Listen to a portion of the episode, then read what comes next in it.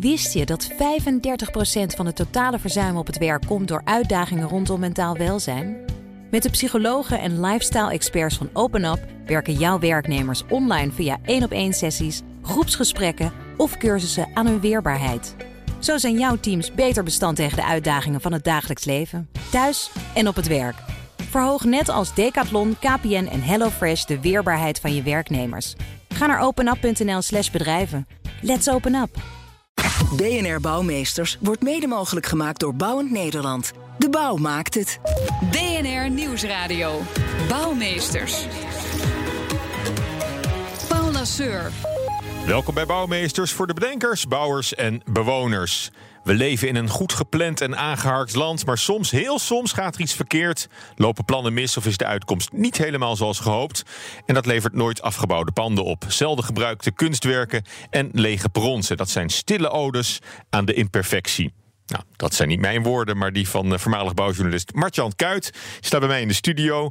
Zijn website uh, over nutteloze bouwwerken begint met uh, die woorden. Maar hoe voorkom je nou dat een bouwwerk nutteloos wordt? Juist met een kostenbatenanalyse. En dat juist weer onderzoekt Niek Mouter aan de TU Delft. Heer, hartelijk welkom. Uh, zoals eerst beginnen we elke uitzending met het bouwnieuws van mijn gasten. En Martjan, jouw bouwnieuws is dat IKEA huizen gaat bouwen in het Verenigd Koninkrijk. Jazeker, dat gaan ze doen met een uh, Zweedse bouwer, Skanska. En ik ben heel erg benieuwd hoe dat er gaat uitpakken. Ja, je zal toch al wel een idee hebben, of niet? Uh, nou ja, ze beloven modulaire huizen en geen bouwpakketten. Dus uh, uh, ja, maar dat, ik ben ook heel benieuwd hoe dat zich straks gaat vertalen naar Nederland. Als ze ooit naar Nederland komen. Oké, okay, maar zie jij kans dat dit, uh, dat dit nutteloos eindigt? Of uh, heb je het idee dat dit juist wel een heel perfect plan is van IKEA? Nou, ik weet niet hoe jouw IKEA-projecten meestal eindigen. Maar die van mij uh, zien er meestal wel aardig uit na afloop. Soms ontbreekt er een schroefje, maar dat is alles. Maar het, het, is, het is goed over nagedacht. Het is altijd de, de massa de, wat, wat het natuurlijk betaalbaar maakt. Ja, ze beloven betaalbaar. Dus, en betaalbaar bij woningen is altijd een goed idee volgens mij. Oké, okay, nou, um, en um, Niek, jij wil het hebben over het uh, definitieve voorstel voor het uh, klimaatakkoord dat nu eindelijk uh, op tafel ligt. Ja, ja. De, we, wat, wat wilde je eruit naar voren brengen? Ja, we staan aan de vooravond van de grote verbouwing, stond er ook in het klimaatakkoord. Hmm. Dus ik denk dat het belangrijk bouwnieuws is. ik denk dat het hartstikke, hartstikke goed is dat we een klimaatakkoord hebben. Maar het is ook wel spannend, vind ik als wetenschapper. Omdat als de literatuur erop naslaat, dan kan je eigenlijk wel op je vingers natellen dat er, veel, dat er grote weerstand gaat komen. Dus uh, ja, ja, de literatuur blijkt dat als uh, de overheid de burger niet voldoende betrekt bij het nemen van ingrijpende maatregelen, dat dan de weerstand heel erg groot gaat zijn. En ik, uh, ja, ik ben ook wel een beetje gespannen hoe dat nu de komende jaren gaat. Ja, en de, de eerste ontvangst zo vorige week. Tekent zich al die weerstand af uh, daarin? Of, uh, of ja, ja, want die indruk had ik nog niet echt, dat nou, mensen ja, zich daar heel erg tegen verzetten. We hebben natuurlijk, nou, ik denk dat ook de weerstand mogelijk pas gaat komen als het ook echt concrete implicaties gaat hebben voor mensen. Mm. Dus nu is dat misschien nog niet zo zichtbaar. Maar je zag bijvoorbeeld ook al wel uh, rapporten van het uh, Sociaal Cultureel Planbureau, Planbureau dat het draagvlak afneemt. Nu was het zo dat ik in november een keer een congres, bij een congres spreker was. En had gezegd: ja, als we de burger niet gaan betrekken, wat gaat er dan gebeuren? Dan gaat, gaan de populistische partijen populairder worden. Mm. En misschien dat de partij van Thierry Baudet wel bij de volgende Tweede Kamerverkiezing de grootste gaat worden. Toen werd ik een beetje uitgelachen. Maar nu was dat bij de Eerste Kamerverkiezing. Toch gelijk gekregen? Ja, hela ja helaas wel moet ik zeggen. Maar een beetje, ik vind het wel, ik vind het wel een risico. En ik hoop eigenlijk dat dat ja. uh, beter gaat de komende tijd. Dat we de burger ook meer en serieus gaan betrekken bij uh, het uitvoeren en het verder vormgeven van het klimaatakkoord. Ja. Wat vind je van de termijnen in het, in het klimaatakkoord? Want eh, op zich, één moment denk ik wel eens van dat is al heel snel dat het geregeld moet zijn. Aan de andere kant denk ik van ja, in 2050, dat, dat klinkt dan nog weer heel ver, ver weg voor bepaalde doelen. Ja, natuurlijk. Kijk, voor 2030 gaan natuurlijk al best een, een groot aantal wijken van het aardgas af. 2021 wordt het al bekendgemaakt. Dus ik denk dat in 2021, zodra dat echt bekend wordt gemaakt, dat dan uh, ook wel. Uh, hoop ik, niet, ik hoop het niet natuurlijk, maar dat dan misschien de weerstand wel gaat toenemen. Ja, als het echt uh, binnen afzienbare tijd uh, zover moet zijn, ja. ja. Een termijn van tien jaar is, dat is al heel snel dan, in, denk ik, in, een, ja, ja, in maar, de mensengeest. Maar er zijn natuurlijk ook wijken die dan al voor 2030 van het gas af moeten. Dus ik ben, ik ben heel erg benieuwd en ik ga het volgen. Ja, nou, wij, wij allemaal, denk ik. Daar ontkomen we ook niet aan. Uh, uh, Martjan, jij hebt een fascinatie voor nutteloze bouwwerken. Daar wijden we deze uitzending aan. Mhm. Wanneer is volgens jou een bouwwerk nutteloos? Over wat voor soort uh, gebouwen hebben we het dan? Nou, er zijn eigenlijk vier, ja, vier eisen waar een gebouw moet voldoen wil het nutteloos zijn. Dat er dat, nou echt vier dingen die het kan zijn. Het heeft of helemaal geen nut nooit nut gehad. Of het is inmiddels nutteloos geworden. Ah. Het had ooit wel nut, maar nu Na tien of twintig jaar trouwe dienst, dat het ineens... Ja, uh, ja. Dat uh, kan ons allemaal overkomen. Maar het mooie aan, aan nutteloze bouwwerken in Nederland... is dat ze ontzettend zeldzaam zijn. Dus het is een beetje een uitdaging om er een te vinden. Omdat we zo'n efficiënt uh, nijver volkje zijn natuurlijk. Ja, we zijn die zo... alles, over, over, alles heel goed nadenkt voor we het neerzetten. We zijn ontzettend aangehaakt. Ja. Maar af en toe vergeten we iets. En dat zijn juist de pareltjes waar ik naar zoek. Oké, okay, ja, want, want, waar komt die fascinatie vandaan? Nou, ik ben uh, fan van... Het is ook wel iets om jaloers op te zijn, hoor. Dat iemand uh, zich daar zo door laat inspireren. Dat, ah, nou, ik ben wel fan van de gebouwde omgeving. Ik ren de deur uit en dan kijk ik naar gebouwen en denk... wat zou hier voor verhaal achter zitten? En soms kom je ineens een, een, een bijzonder verhaal tegen. Bijvoorbeeld, uh, ik woon zelf in Zwolle. En daar hadden we pas een uh, nutteloos bouw, bouwwerk. Inmiddels is die niet meer nutteloos. Dat is eigenlijk een beetje jammer. Uh, station Stadshagen in Zwolle. Daar stopte, het was, het was al een jaar af, maar stopte helemaal geen trein. En daar ben ik naartoe gegaan. Ik dacht, ja, eens even kijken wat, hier, wat voor verhaal hier te vinden valt. Mhm. En ja, nou, er valt bijzonder weinig verhaal te vinden. Maar dat is juist misschien het interessante verhaal Ja. in deze. En als het station, als het station is gebouwd, maar bijvoorbeeld uh, als ze er dan maar een museum van maken of zo, dan, dan is het ook al niet meer nutteloos. Nee, maar dat is heeft niet meer een andere doel nutteloos. gekregen. Ja, dan is het allemaal goed gekomen. Dat is eigenlijk jammer. Ja. Uh, de Belgische journalist Jean-Claude Desfossé die introduceerde in de jaren 80 al de term Grand Travaux Inutiles, ofwel GTI's. Mhm. Grote nutteloze werken. Uh, wat was zijn idee erachter om, om, om het ook echt als categorie te benoemen? Nou, in België uh, zijn ze iets beter in nutteloze bouwwerken dan wij. Daar kan ik me alles bij voorstellen ook meteen. Ja, ja als je zodra je de grens overkomt, ziet het er altijd net iets rommeliger uit. Het is maar net, ja, mooi, lelijk, het is maar net uh, wat je smaak is. Ja, omdat um, Belgen allemaal hun eigen huis bouwen, pallende weg. Nou, dat ook. en daar weer dingen achter. Um, en een paar jaar geleden had je de, de wafelijzerpolitiek in België. Dus uh, de, geld dat naar Wallonië ging, hetzelfde geld moest ook naar uh, Vlaanderen gaan. Hmm. Daardoor, nou, als er dan in Wallonië een weg werd aangelegd voor een bepaald bedrag, moest dat in Vlaanderen ook. En ja, dan krijg je vanzelf wel wat nutteloze scheepsliften, uh, wegen, bruggen en dat soort uh, ongein. Ja, geweldig. Hè? En, uh, maar, maar die GTI's, hè, waar, waar die Defossé het over had, dat is niet hetzelfde als follies. Hè? Dat zijn gebouwen die met opzet eigenlijk nutteloos uh, gebouwd worden. Ja, is ook leuk om naar te zoeken. Miniatuurtjes of zo. Uh. Ja, is ook leuk om naar te zoeken. Heb ik ook wel eens gedaan. Um, maar uh, ja, die zijn met opzet nutteloos. En vaak ook niet zo in your face en enorm. Want dus, dus op jouw website komen die niet tegen? Dat, die komen we nou ja, op mijn persoonlijke blog wel tegen, maar niet in de categorie nutteloze bouw. Ja, want er is een standaardwerk hè, van historicus Wim Meulenkamp over, over. Hij is een beetje de, de internationale expert hè, op het gebied van, ja, ik ben van groot. Dus, uh. heb, je een, een, heb je een top 3 van nutteloze bouwwerken? Ja, dat is... Als we ons tot Nederland beperken? Oeh, dat is wel lastig. ja, op nummer 1 stond natuurlijk mijn eigen uh, Zwolse Stadshaagse mm. nutteloze station. Maar ik denk dat, uh, nou vooral in de polder staan wel twee pareltjes. En op nummer 1 zou ik dan zetten um, Lelystad Zuid. Volledig nutteloos station uh, ten zuiden van Lelystad. Er zou ooit een stad omheen komen. Uh, we wachten nog steeds. Ja. Maar je kunt wel, als je door wat struikjes heen waat... Uh, een paar betonblokken zien die voor een perron moeten doorgaan. En in Almere staat natuurlijk het prachtige kasteel Almere. Ook goed te zien vanaf de rondweg. Dat klinkt als een middeleeuwse ruïne, eigenlijk, als je het zo, zo Nou, zegt. dat is het eigenlijk ook. Het is een nagebouwd Frans kasteel, maar nooit afgemaakt. Het, het staat als een soort ruïne aan de rand van Almere. Ja, en dat is, en dat is je favoriete. Dat zijn zeker mijn twee favorieten. Er liggen ook nog wat, uh, wat, wat, wat uh, tunnels in Amsterdam. Um, maar goed, ja, daar ben ik nog nooit geweest. Ik heb geen idee hoe die eruit zien. Oké, okay, uh, Niek, heb je ook een uh, favoriet?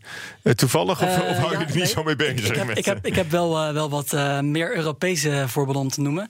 misschien is eerst ook een goede vraag. Ja, wanneer is nou een project nutteloos? Hè? Wanneer Mm. is nou nutteloos? Want je kan bijvoorbeeld over de HSL naar, naar, Mm. naar Brussel en Parijs zeggen van... nou ja, de maatschappelijke kosten zijn veel hoger geweest dan de baten. We kennen ook Mm. de problematiek met de Vira. Mm -hmm. Echter, we hebben er wel heel veel van geleerd als Nederland. Dus na, Mm. na die planningsramp uh, is bijvoorbeeld die maatschappelijke kostenbaatanalyse geïntroduceerd. En die heeft heel erg veel uh, zijn waarde bewezen.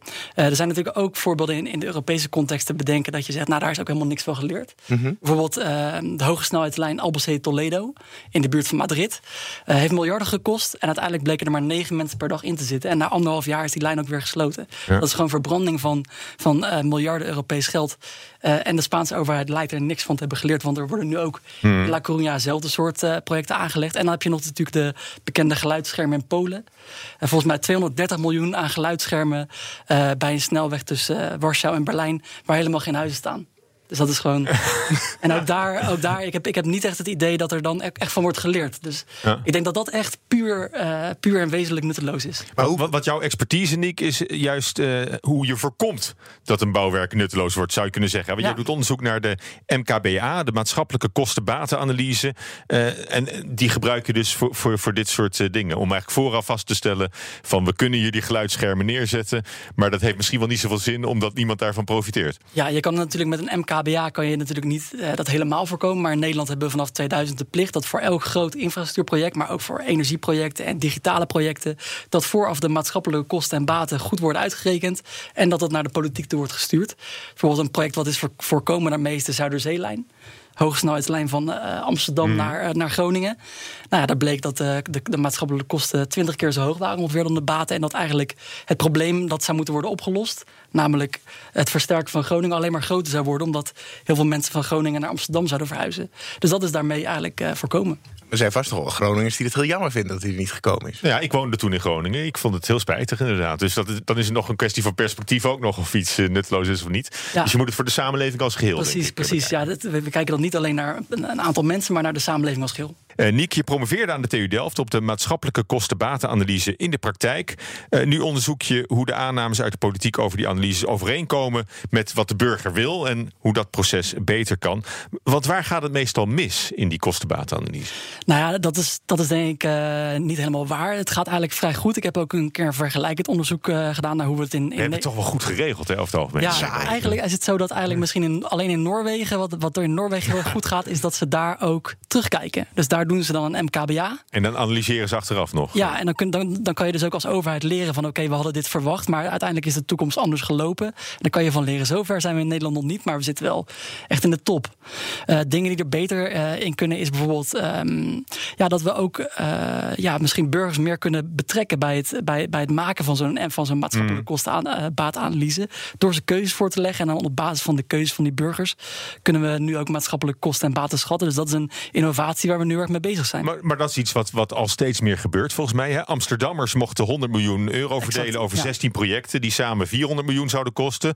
Dus niet alles zou worden uitgevoerd, maar ze hadden wel een vinger in de pap. Ja. Uh, welke projecten krijgen dan de voorkeur als je, als je de burgers uh, daarin uh, een, een stem geeft? Nee, dat is inderdaad een, een, zo'n zo'n zo'n voorbeeld van een MKBA, zo'n vernieuwende MKBA die mm. we hebben gemaakt. en je ziet daar toch wel verschillen. Je ziet dat in de klassieke MKBA toch autoprojecten vaak goed naar voren komen. Mm. openbaar vervoerprojecten doen het vaak wat minder. maar wat we in deze, in deze participatieve waardeevaluatie heet het dan zagen, is dat met name fietsprojecten en projecten die de stad mooier maken en dat die vooral heel erg positief scoorden. Dus je ziet dat, dat de burgerinvloed wel degelijk ook de, de politiek op, op andere gedachten kan brengen. Nou ja, dat in ieder geval de resultaten van zijn, van zijn maatschappelijke kostenbatenanalyse wel echt significant anders zijn. Ja. Nou heb je ook te maken met, met faalkosten in de bouw. Hè? ABN AMRO heeft uh, een rapport uitgebracht. Uh, uh, vier op de tien bedrijven schatten in dat hun faalkosten 5% of meer bedragen. Mm -hmm. dat, is, dat, is, behoorlijk. Dus voor de bouw als geheel gaan, gaan daar miljarden door het putje, kun je zeggen. Gewoon aan, ja. aan faalkosten. de bouw zou ook al wat aan MKBA's hebben. Ja, ook, ook ja. al zit daar de, de, politieke component al wat minder in. Ja, het is, het is wel zo dat uh, die MKBA's worden toch vooral gemaakt voor overheidsprojecten. Mm. Vooraf de, de Kamerleden en de minister goed informeren voordat ze een besluit nemen. Wordt veel minder toegepast bij private projecten. Maar ook bij overheidsprojecten heb je natuurlijk soms mm. te maken met faalkosten, uh, faalkosten. En wat ze bijvoorbeeld in, de, in het Verenigd Koninkrijk doen, is dat ze daar ook een percentage voor, uh, voorafval uh, mm. voor hanteren. Omdat vaak de, de kosten worden toch vaak iets te optimistisch ingeschat. Ja. En in het Verenigd Koninkrijk is daar dan een opslag voor bedacht om daarvoor te corrigeren. Ja. Nou speelt in de politiek ook prestige vaak een rol hè, bij grote bouwprojecten. Is het vaak ook, je ziet het ook met, met Lelystad Airport, dat wordt nu ook enorm, enorm gepusht. Dat moet ook echt open straks. En mm -hmm. elke vertraging is weer een, -hmm. is weer een blamage voor, voor de minister. Je hebt uh, zes jaar geleden in Trouw al eens betoogd dat er meer tegenspraak zou moeten komen bij grote infrastructurele projecten door, door een buitenstaander. Nou, nou was het als gezegd al, al zes jaar geleden. Is er al iets, is er naar je geluisterd, zou ik moeten vragen? Uh, nee. Nee? Volgens mij niet. Nee, nog niks ik- veranderd. Ik denk dat dat, eh, dat, dat interview in, in Trouw eh, volgens mij eh, niet heel erg veel invloed heeft gehad.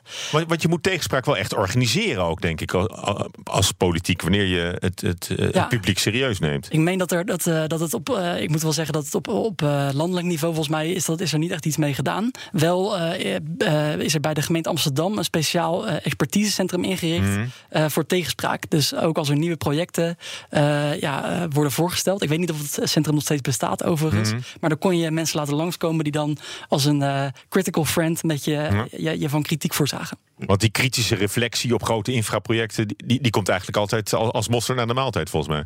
Ja, en het is ook vaak dat als je het in het begin doet, dan kan het, heeft het ook vaak veel meer effect. Mensen staan nog veel, mensen staan nog veel meer open en de, de ideeën zijn nog niet zo concreet, zijn soms ook nog niet eens gecommuniceerd naar de buitenwereld. Dus dan is het ook veel makkelijker om nog iets mee te doen. Ja, dat is duidelijk. Hey, eh, Martjan, eh, die nutteloze bouwwerken, dat, dat zou je ook kunnen omdraaien. Hè? Je kan ook het, het perfecte, volkomen nuttige gebouw eh, bedenken. En dat heeft Funda gedaan. Die hebben al hun zoekdata eh, gecombineerd en daaruit het voor, voor de Nederlanders ideale huis eh, samengesteld. Het gaat ook gebouwd worden. Wat voor soort huis is dat, is dat geworden? Ja, het wordt het Rijtjeskasteel genoemd. Het wordt gebouwd door, door Van Wijnen. Het ziet er van, van de buitenkant uit als een, als een redelijk normaal rijtjeshuis. Maar het heeft wel wat, wat rare dingetjes. Ik geloof dat er een, een bedsteen in zit. Dat weet ik niet eens helemaal zeker. Eh, maar wij willen toch andere dingen dan de rijtjeshuizen die er nu gebouwd worden. Zo lijkt Ja, in ieder en, geval. en dat willen we allemaal.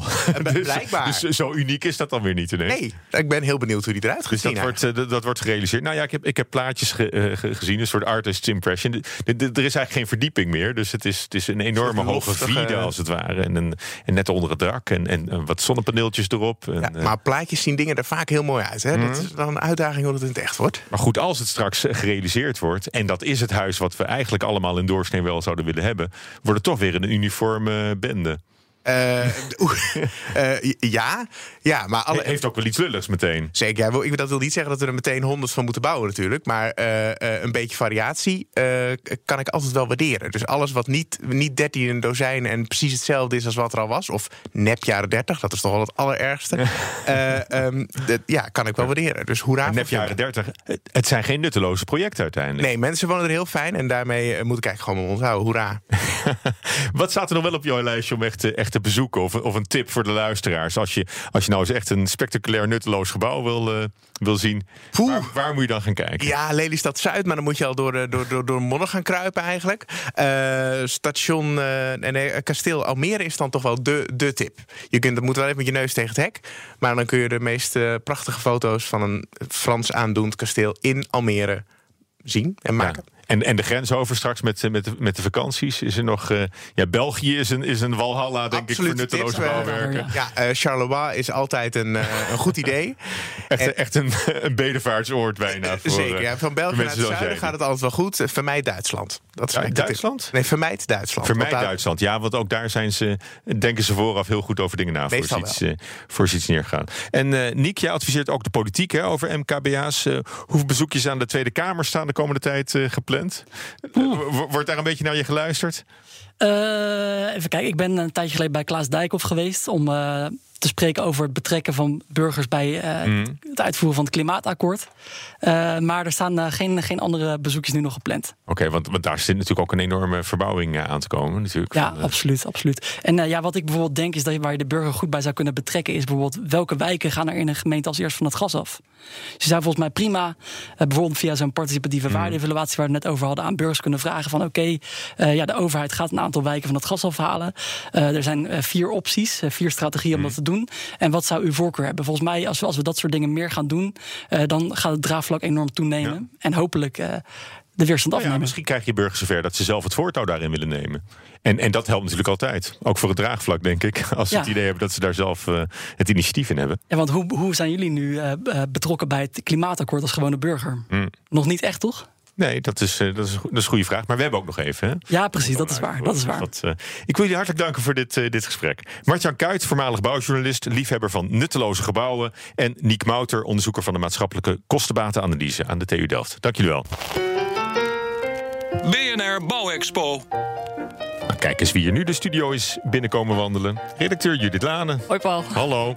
En in de categorie Kijk eens om je heen blijven we vandaag dicht bij huis in de Bouwexpo. Want architectuur is eigenlijk overal. Ja, precies. Uh, ik wil het namelijk graag hebben over het stationsplein van Amsterdam-Amstel. Dat is aan de overkant van onze studio. Uh, daar ben ik namelijk heel veel over uh, heen gelopen.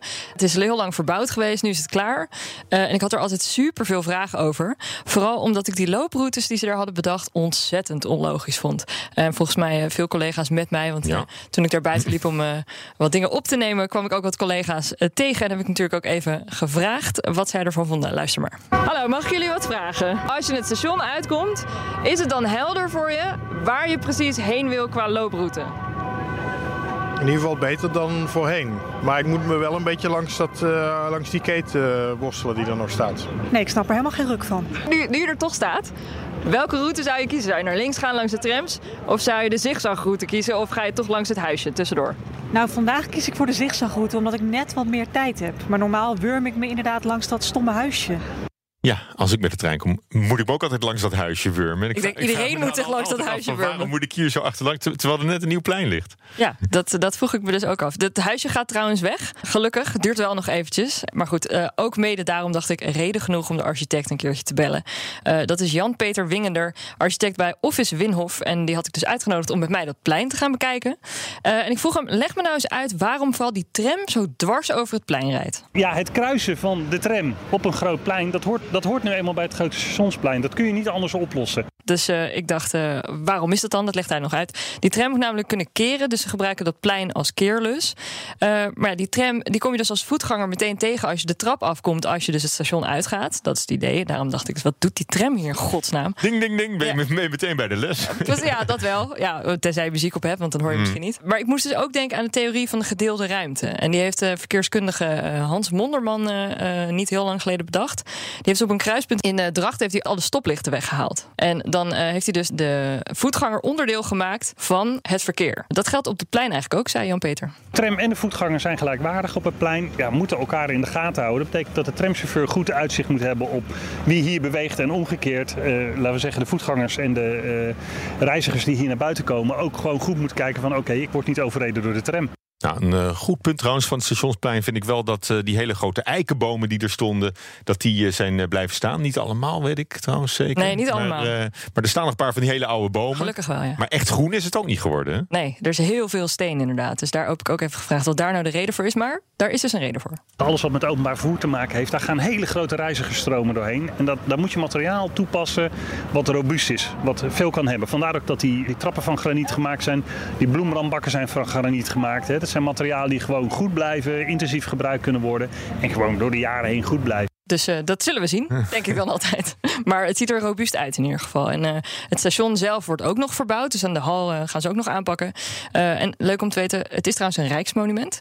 Want het is uit 1939 al. En het is ontworpen door architecten Schelling en Leupen... en stedenbouwkundigen Van Eesteren. En destijds was het dus een heel vooruitstrevend ontwerp... omdat het steeds heel veel verschillende verkeersstromen met elkaar combineerde. En ja, eigenlijk als je er kijkt, doet het het nog steeds. Dus de trams en de voetgangers en de, de auto's en de bussen... die zijn weer aan de andere kant... En ondergronds is een uh, fietsparkeergarage neergezet. Dus van alles wat. Nou, luisteraars die het willen zien, die kunnen de tram, de metro of de trein naar Amsterdam, Amstel nemen. Even uitstappen. En daar ook uh, die, die verkeerslus even, even mee uh, pakken. Testen en zwaaien naar ons. En laten zien dat je nog leeft. Ja, dank, dankjewel Judith. Tot zover. BNR Bouwmeesters wordt altijd blij van tips. Mail ze dus naar bouwmeesters.bnr.nl. En deze uitzending is terug te luisteren via de app en bnr.nl of als podcast in iTunes en Spotify. Tot volgende week. BNR Bouwmeesters wordt mede mogelijk gemaakt door Bouwend Nederland. De bouw maakt het. Wist je dat managers evenveel invloed hebben op het mentaal welzijn van werknemers als hun partners? Toch voelt een derde van de managers zich niet in staat om hun team goed te ondersteunen bij mentale uitdagingen. Via het OpenUp-platform geef je jouw managers de tools die ze nodig hebben om dit wel te doen. Zo zijn jouw teams beter bestand tegen de uitdagingen van het dagelijks leven, thuis en op het werk. Benieuwd wat we voor jouw managers kunnen betekenen? Ga naar openup.nl/slash bedrijven. Let's open up!